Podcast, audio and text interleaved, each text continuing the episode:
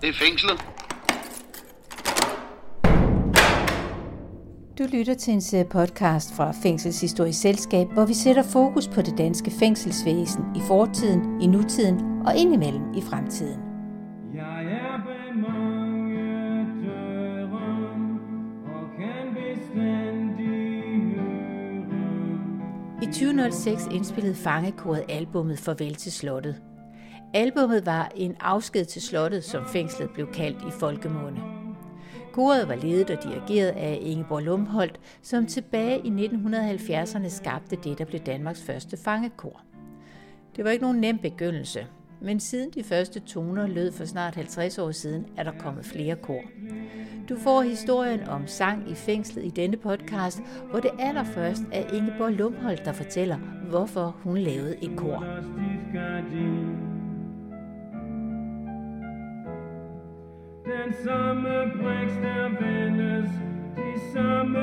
I 1975 der flyttede vi til en funktionærbolig på statsfængslet i Horsens, fordi min mand Karl var blevet fængselspræst. Hvor tre børn gik i skole, og jeg vil gerne have et arbejde. Jeg følte selv, at jeg var lidt på herrens mark, for det var jo ikke mig, der var engageret i fængselsarbejdet. Men da, øh, da fængselsinspektøren en dag spurgte mig, om jeg ville være organist i statsfængslets kirke, så tænkte jeg, ja, hvorfor ikke? Um, jeg var uddannet øh, korrespondent med flere sprog og havde arbejdet i Hamburg, men øh, jeg ville egentlig gerne skifte øh, mit fag ud med musik, for jeg var faktisk opvokset med musik og sang i mit hjem i Tyskland. Så jeg sagde ja, og så begyndte jeg samme efterår 75. Der stod fire mænd ved orlet øhm, og sang mere eller mindre godt. Så jeg begyndte straks at indføre en korprøve lørdag før søndagsgudstjenesten, for at øh, få dem lært noget mere elementært. Og øh, jeg fik også en prøve mere, sat igennem hos fængslets øh, skoleleder, og det var øh, en fredagsprøve. Så to korprøver kom ret hurtigt, og så begyndte det at rygtes blandt fanger, at man kan faktisk begynde at lære at synge hos den nye organist. Og hun var i øvrigt ret sød. Jeg var 38 på det tidspunkt, så okay. Øhm, I 1977 havde vi den første radiogudstjeneste, og der havde jeg seks fanger, og det gik rimelig godt, fik jeg at vide.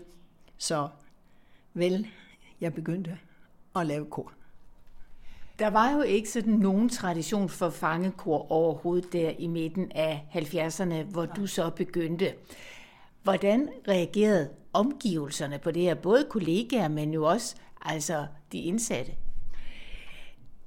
Jamen, de, de synes jo, det var alle tiders. I hvert fald var det øh, mange, der meldte sig og, og, og sagde, jeg, kan ikke, jeg kender ikke en eneste salme, jeg synger kun, når jeg er fuld. Og det var helt okay for mig. Men øhm, jeg må kæmpe mig til en plads blandt de ansatte i øh, fængslet. Jeg var jo præstens kone, og havde ikke så mange andre titler. Jeg gik straks i gang med at lære at spille orgel. Men hvis jeg lige vil vende tilbage, øh, hvad var reaktionen fra omgivelserne, så skulle jeg faktisk være på god fod med betjentene. De bragte og hentede fangerne til mine korprøver og til gudstjenester. De kunne jo ikke komme af sig selv, så jeg fik en forholdsvis nær kontakt med, de, med betjentene. Og de sagde nogle gange til mig, du er altså for godtroende. Ved du ikke, at fangerne er fuld af løgn? Jeg øh, var jo ret et ubeskrevet blad i fængselsregi, så jeg sagde, det, det troede jeg ikke på. Øhm, jeg holdt også, var allerede i 70'erne begyndt at fortælle lidt i forsamlingshuse om mit arbejde, og så var der enkelte tilhører, der kunne sige, gider du virkelig synge med kriminelle? De er der ikke bedre værd, end at man opbevarer dem bag lås og slå. Og for min skyld må de godt kede sig ihjel.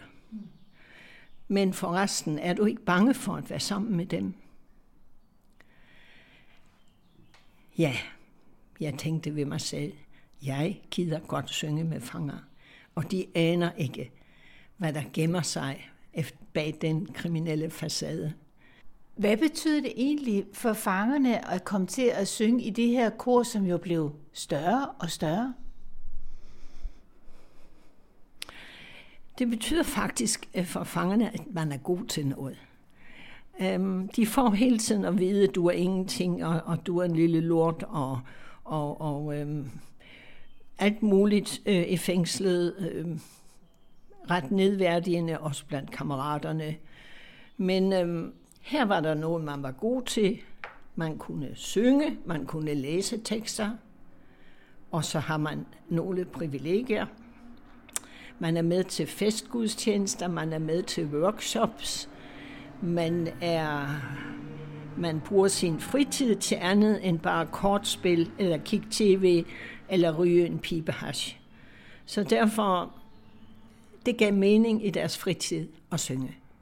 En sanger sagde engang, korsang er som en strafafbrydelse, en dyb vejrtrækning, så man kan holde til en uge mere herinde.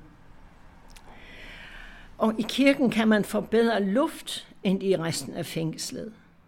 Så jeg har fundet en oase at synge i.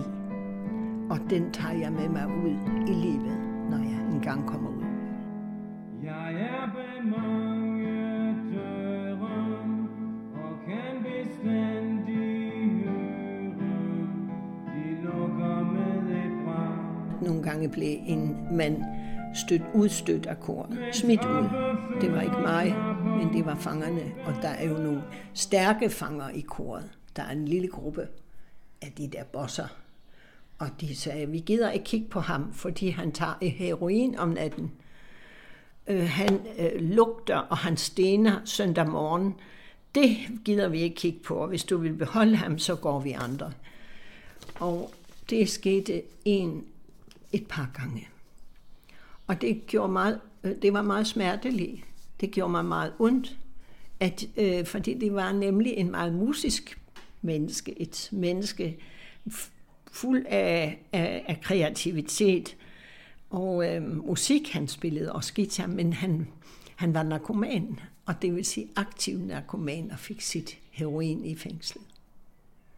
Og jeg ved, kollegaer i de lukkede fængsler har oplevet det samme og, og vi er ked af det, men ellers kan vi ikke leve i et kriminelt miljø, hvis ikke vi siger, ja, det er okay, vi gør det sådan, men jeg går hen til ham og synger med ham og spiller med ham, og det gjorde jeg også bagefter, alene. Hvad var det, de sang, og hvor sang de egentlig hen? Jeg vil begynde med, at hvor sang de hen? Og det gjorde det faktisk i kirken. Men inden vi gik i kirken og sang, så fik de faktisk en kop kaffe og, og en kage til. Fordi når man kommer fra en afdeling og skal til at synge i kirken, det er ligesom nat og dag. Jeg var nødt til at give dem en mental omstilling, men også en fysisk omstilling, og det gjorde jeg ved at servere øh, kaffe og kage først. Og de måtte ryge, det gjorde de jo altid, dengang jeg arbejdede i de første mange år. Så vi sad på mit kontor, og her kunne de åbent snakke om, hvilke, at nogle betjente var nogle værre svin, og der blev sagt noget, som jo ikke kom videre ind i det rum.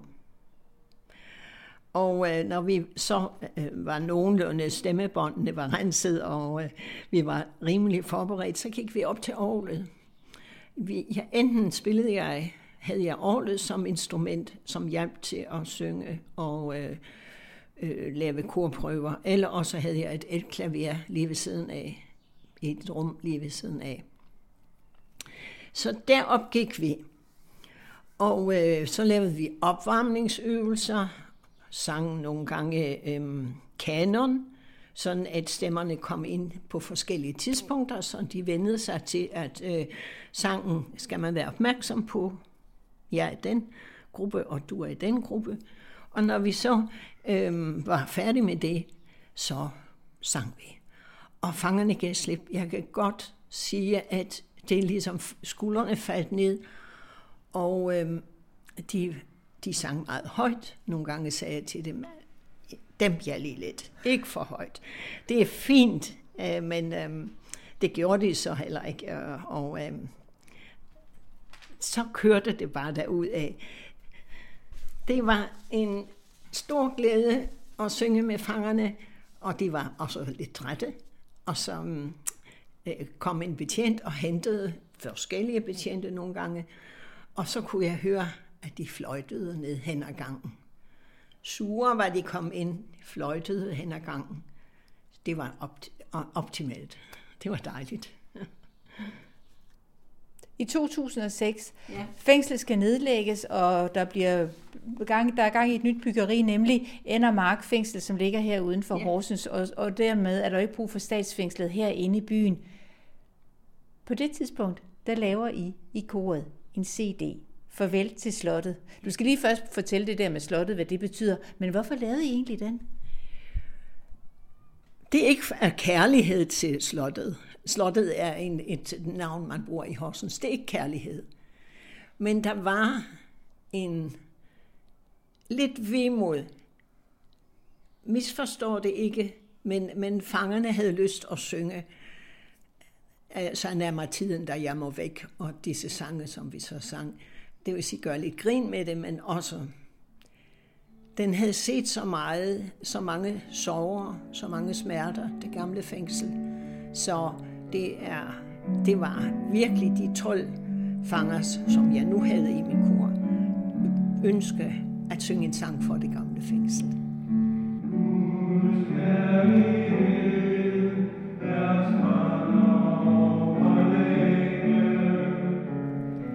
Ingeborg Lumholdt arbejdede i Horsens statsfængsel i tre årtier.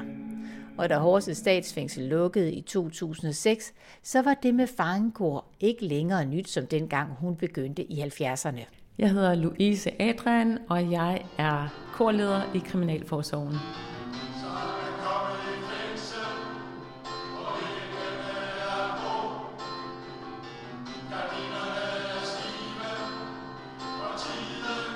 I 2004 udgav et andet kor, nemlig Fangekoret i Vridsløse Lille, en CD. Og det betød, at lige pludselig fik offentligheden øje på, og selvfølgelig også øre for koret, som begyndte at give koncerter. Louise Adrian fortæller, hvad Fangekoret er i dag 2023. Det er indsatte, som får udgangen til at komme ud og synge rundt omkring i kirker i Danmark – og så synger de sammen med de løsladte, som er fortsat efter en afsoning, og som er blevet glade for at synge, og derfor fortsætter år efter år. Men sådan var det vel egentlig ikke, da du begyndte for over 25 år siden med at undervise? Nej, det er rigtigt. Der var det et kor på Vridsløse Lille Statsfængsel, som sang til gudstjenester hver eneste søndag. Og med årene så voksede aktiviteterne, fordi jeg kunne mærke, at de var glade for at synge, og at de blev mere og mere engageret, jo mere jeg forventede, og jo større krav jeg stillede til dem. Og øhm, så lavede vi en CD, som gjorde, at folk uden for murene fik øje på det her kor. Og så begyndte der en efterspørgsel efter koret. Og det betød, at øh, ja, der blev spurgt, om de kunne komme ud og synge. Og Kriminalforsorgen lavede så nogle særlige udgangsregler, så de kunne komme med ud og synge. Og det gjorde de så en årrække, og med tiden, så blev de jo også løsladt eller flyttet til åbne fængsler. Og dem, der så øh, var kede af at blive flyttet og sagde, vi, vi vil gerne synge videre, hvad, hvad skal vi gøre, nu sidder vi ikke der mere.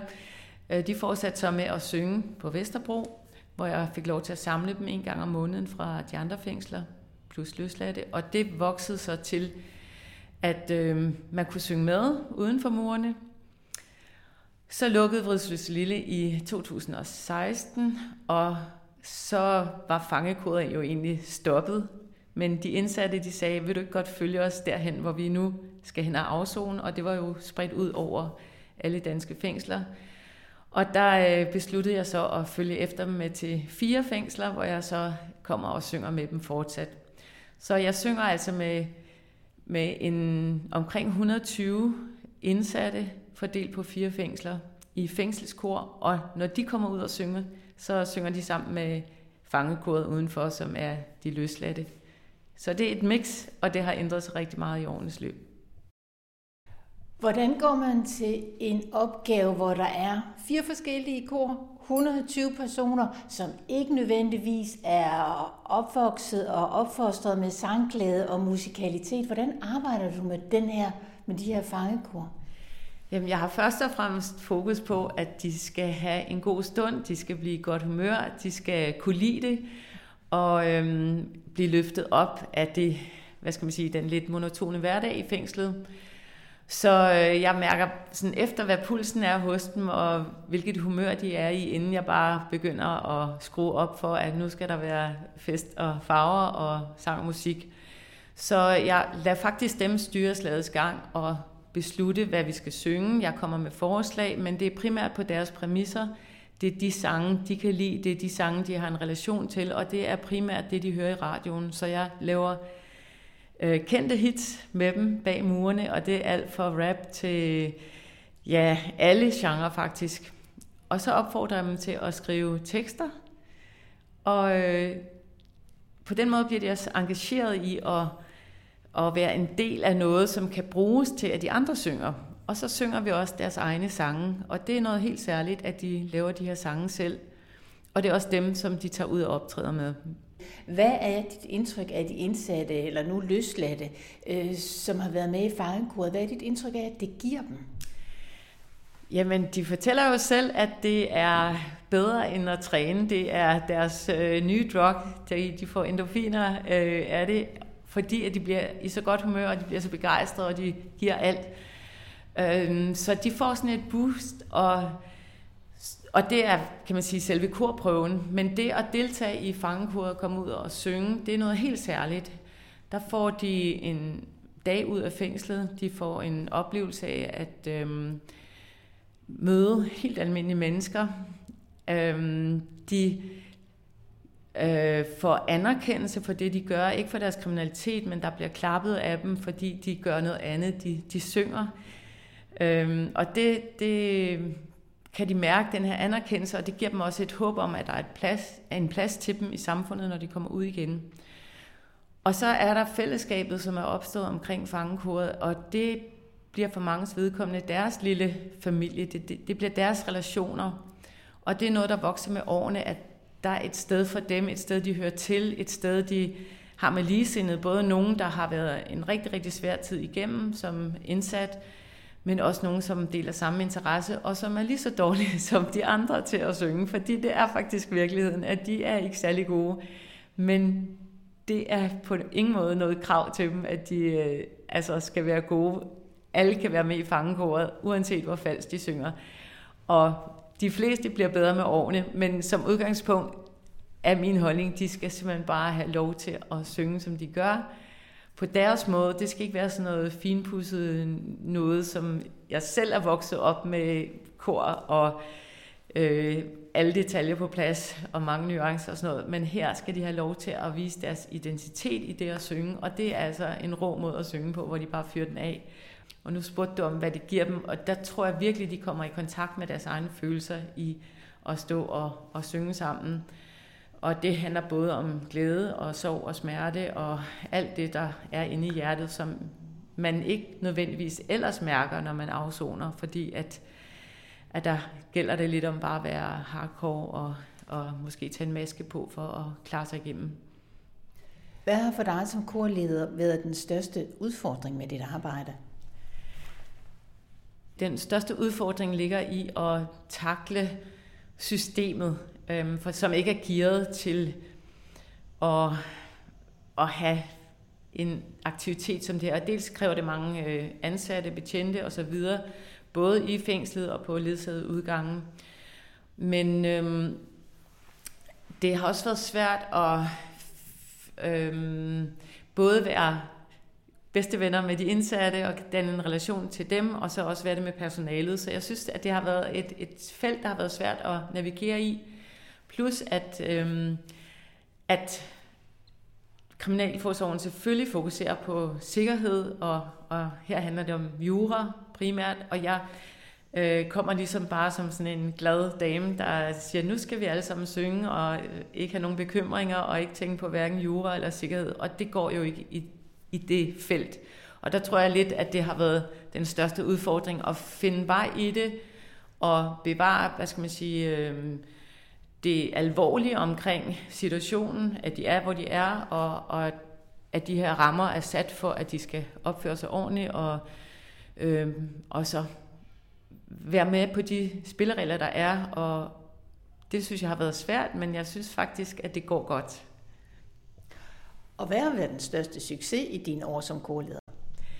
Og jeg synes, at altså, hvis du spørger helt enkelt, så, så synes jeg, at det at se dem for eksempel stå og få tårer i øjnene og, og græde, øhm, det, det er det største for mig. Det, er en, altså, det, det berører mig i hvert fald. Øhm, ja, og så de relationer, som er bygget op over årenes løb, og se, når mennesker lykkes, og når deres vej går en, i en anden retning, en bedre retning, og at de får nogle su- succesoplevelser, og, og bliver mennesker, der kommer til at fungere, selvom at de har en tung rygsæk.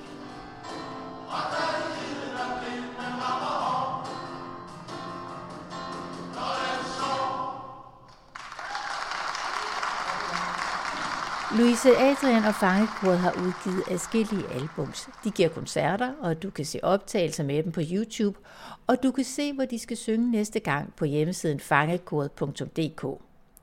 Og hvad angår Ingeborg Lumholdt, så var det jo hende, der først tog initiativ til det med fangekor i Danmark. Og hun er ikke færdig med sang i fængslerne. Hendes datter er nemlig korleder i Jyderup Kvindefængsel, så Ingeborg Lumholdt følger stadig med. Hvis du vil vide mere om Ingeborg Lumholds tid og arbejde med fangekoret i Horsens statsfængsel, så har hun sammen med sin mand, fængselspræst Karl Lumholdt og journalist Dorte Kvist skrevet bogen Det er jo mennesker. Du har lyttet til en podcast fra Fængselshistorisk Selskab, som du kan læse meget mere om på hjemmesiden fængselshistorie.dk. Jeg hedder Dorte Chakravarti og har tilrettelagt og produceret denne podcast.